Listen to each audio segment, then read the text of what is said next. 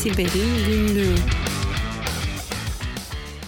Siber'in günlüğünden herkese iyi haftalar. Ben Murat Lostar. Merhaba, ben Tuğba Öztürk. Tuğba merhaba. Ne yapıyoruz bu hafta? İlk haber sende. Hangi konudan bahsetmek istiyorsun? Üzücü bir haberle devam edeceğim. Assange biliyorsun tutuklandı. E, aslında 2010 senesinde Amerika'nın Irak Savaşı'nda e, tutmuş olduğu gizli devlet kayıtlarını Wikileaks sayfası üzerinden paylaşmasıyla hepimizin hayatına girmişti biliyorsun.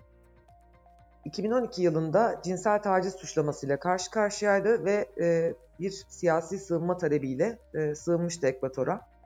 Fakat yakın zamanda biliyorsun Ekvator'la olan gelişmeler neticesinde İngiltere'ye iadesi söz konusu oldu, tutuklandı konsoloslukta. Şu anda bu cinsel taciz e, davası var devam eden ve o dönemde tutuksuz yargılanmayla alakalı olarak verilmiş karara uymaması ve siyasi sığınma talebinde bulunsa dahi mahkemenin ilk kararlarına uymamasından mütevellit 50 haftalık bir hapis cezasıyla karşı karşıya. Bu da yaklaşık bir yıl ediyor. Bir yıl boyunca Assange hapiste olacak gibi görünüyor şu anda. 7 yıldır e, Londra'nın göbeğinde de olsa Ekvador'un büyükelçiliğinde yaşıyordu. Yani o hapis değil de bu mu hapis? Yani tamam hani mutlaka şartlar daha farklıydı. Öbür tarafta kendi dilediği gibi hareket ediyordu. İnternet ya da herhangi başka bir kısıtı yoktu ama fiziksel bir hapisin fiziksel olarak bir binanın içinde yaşıyordu. 50 hafta sonra tümüyle özgür kalacak mı? Onu da bilmiyorum ama eğer öyleyse belki de bu hani hapis şartlarında iyi olacağını varsayar isek belki de çok da kötü bir haber olmayabilir gibi geldi. Evet belki de 50 hafta yatıp çıkıp ondan sonra özgürlüğüne kavuşacaksa bu daha iyi bir diyet olabilir kendisi için. Ama bunun yanında hem İsviçre hem de Amerika e, Assange'ın iadesi için bastırıyorlar. Buradaki davaların da yaklaşık iki yıl boyunca süreceği e, öngörülüyor. Dolayısıyla bu bir yılın üzerine daha sonra Amerika'da yapmış olduğu veri sızıntılarından mütevellit tekrar bir yargılanma durumu söz konusu olabilir. Ülkelerin arasındaki ilişkilere bağlı bu biraz da. Şimdi İngiltere ve Amerika'nın e, suçlu iadesi konusunda ilişkilerinin mükemmele yakın olduğunu biliyoruz. Bir kere bunu bir kenara koymamız lazım öyle değil mi?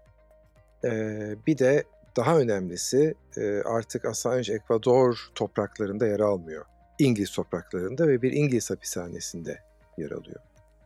E, bu da e, aslında onu biraz daha olumsuz bir gelecek beklediği anlamına geliyor. Bu, bu tabii işin bir tarafı. Öbür tarafı da hani e, Assange'ın birey olarak değil ama temsil ettiği yapı olarak hani Wikileaks açısından da merak ettiğim bir şey var. Ne olacak acaba? Yani arka tarafta tamam kalabalık bir ekip var. Tek başına değil Assange bunu biliyoruz en azından altyapı açısından e, çalışmasını sağlayan yoğun bir ekip var. Onlar e, Wikileaks'i aktif tutmak için çalışacaklardır, çalışmaya devam edeceklerdir. Ama ön yüz tarafını bilmiyoruz. Ön yüz tarafında acaba Wikileaks'in e, yeni anchor'ı, yeni ön yüzü kim olacak? Evet, bekliyoruz. Sıradaki haber sende Murat. Aslında tatsız bir haber e, ve de direkt baktığımız zaman siber konuyla ilgili değilmiş gibi duruyor. Tam tersine fiziksel hayatla ilgili bir konu. Konu İsrail'in Gazze şeridindeki bir binayı bombalaması.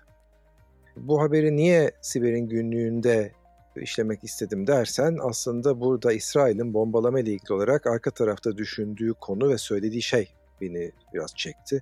Tatsız bir haber olsa da paylaşmak istedim. Diyor ki haberde bir siber atak olacaktı. Biz hackerların e, yerini keşfettik. Bir binada olduklarını, nerede olduklarını bulduk. Ama Onların durdurmak için elimizde başka bir seçenek bulamadık, başka bir yöntem bulamadık. Dolayısıyla binayı uzaktan bombaladık. Böyle bir iddiası var İsrail'in. Niye paylaştığıma gelince iki tane nedenle paylaşmak istedim. Birincisi artık siber dünyanın fiziksel dünyayla nasıl iç içe geçtiğinin yeni bir adımı basamağı olarak gösteriyor bu konu kendisini ve ne yazık ki bir de e, bir takım ölümlerle sonuçlanıyor.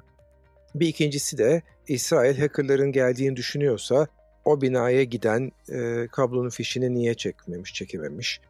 E, niye başka bir yöntem bulamamış? E, niye insanları, e, polisleri, askerleri gönderip de oraya müdahale etmeye uğraşamamış? Da uzaktan binayı havaya uçurmuş. Bu biraz fazla orantısız güç kullanımı gibi geldi bana. Kesinlikle katılıyorum. Sonuç kesinlikle hackerların varsa tabii sözde hackerların e, öldürülmesi maksadıyla binayı komple bombalamak olmasa gerek. O binada biliyorsun siviller e, yaşıyor ve sivil halk da bu durumdan ciddi zarar gördü. Haberlerde hep birlikte seyrettik. kesinlikle çözümü bu değil. Burası muhakkak e, teknoloji gelişti. Evet ofans varsa defans da vardır yani.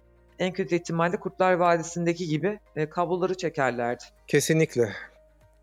E, benim haberim buydu. Senin bir genç hacker haberin var. Ondan bahsetmek istiyorum demiştin daha önce konuştuğumuzda. O nedir? Evet 13 yaşında bir hacker'dan bahsetmek istiyorum. Biraz yüzümüz gülsün. Ruben Paul, Paul e, isminde bir e, arkadaş. Bu arkadaşın annesi ve babası da aslında bizimle aynı sektörde çalışıyor. Her ikisi de e, bilgisayar e, teknolojileri üzerine çalışıyorlar ve siber güvenlik alanında özellikle uzmanlaşmışlar. E, aslında bu arkadaşımız e, babasının iş yerine gittiğinde bilgisayar oyunları oynayarak başlamış. 6 yaşındayken bir gün babası telefonda konuşurken baba bak burada güvenlik açığı var şeklinde bir uyarı yapması neticesinde babasının nazarı dikkatini çekmiş. Ve o noktada annesinin de babasının destekleri ve eğitimleriyle beyaz şapkalı hacker olma yolunda bir takım eğitimler görmüş. E, şu anda hotspot üzerinde bağlı olan herhangi bir kullanıcının kullanıcı adı parolalarını ele geçirebiliyor. Sosyal medya hesaplarını hackleyebiliyor kendisi aynı zamanda bir Mac kullanıcısı ve antivirüslere kesinlikle güvenmediğini açıklıyor. Muhtelif konferanslarda yer alarak özellikle çocukların internet ve siber güvenlik alanında yaptıkları hataları, e, siber güvenlik anlamında nelere dikkat etmeleri gerektiği, bütün işte linkleri tıklamamaları, oltalama saldırılarına maruz kalmamaları, kullanıcı ve parolalarını doğru seçmeleri yönünde bilinçlendirme faaliyetleri yürütüyor. Ve işin ilginç tarafı bir de şirket açmış kendisine. Cyber Shodin isimli bir şirket. Kar amacı gütmeyen bu şirkette de bu eğitim ve farkındalık faaliyetlerini sürdürüyor.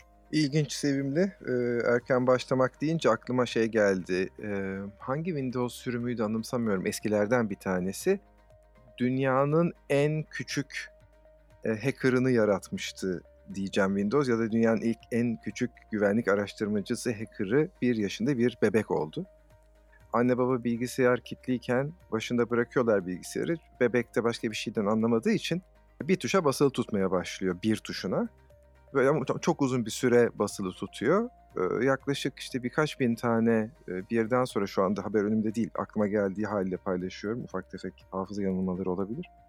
Meğer Windows'da bir sorun varmış. Password alanına işte 1024 karakterden fazla girildiğinde bilgisayar direkt açılmış. Bu da o bebeğin dünyanın en küçük hacker'ı olma ünvanını kazanmasına neden oldu. Keşke sektörde devam etseydi de beyaz şapkalı hacker olarak tanısaydık kendisini. Valla belki olmuştur da hani bu özelliğiyle bilmiyor olabiliriz tabii arkadaşımızı. Olabilir evet. Ee, günün son haberi e, benim çok dikkatimi çeken bir haber. Geçen hafta da şey yapmıştım.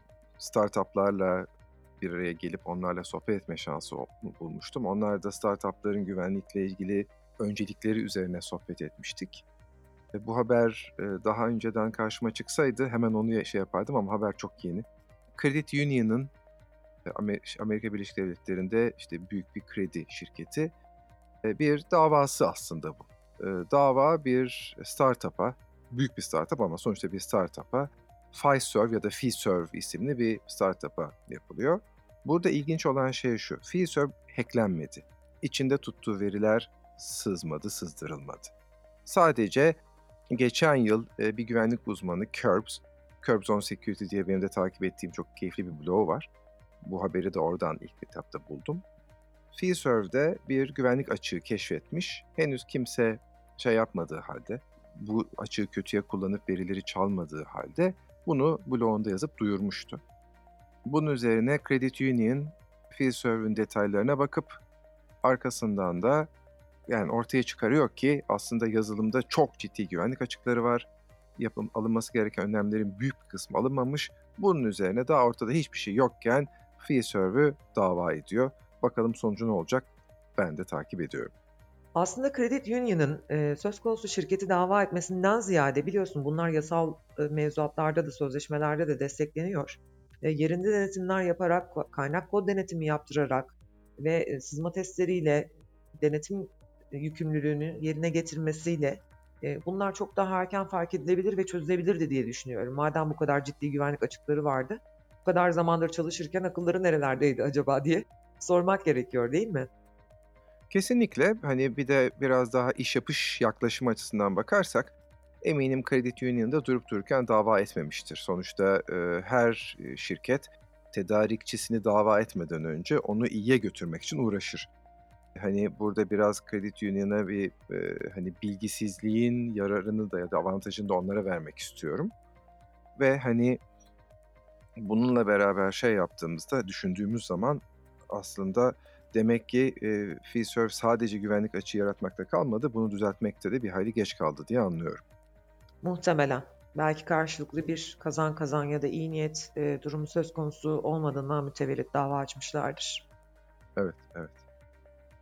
Evet, haberlerden, daha doğrusu yorumladığımız haberlerden bu kadar. Ee, herkese keyifli, yavaştan baharın geldiği, soğuğun az, sıcağın çok olduğu bir hafta sonu diliyorum.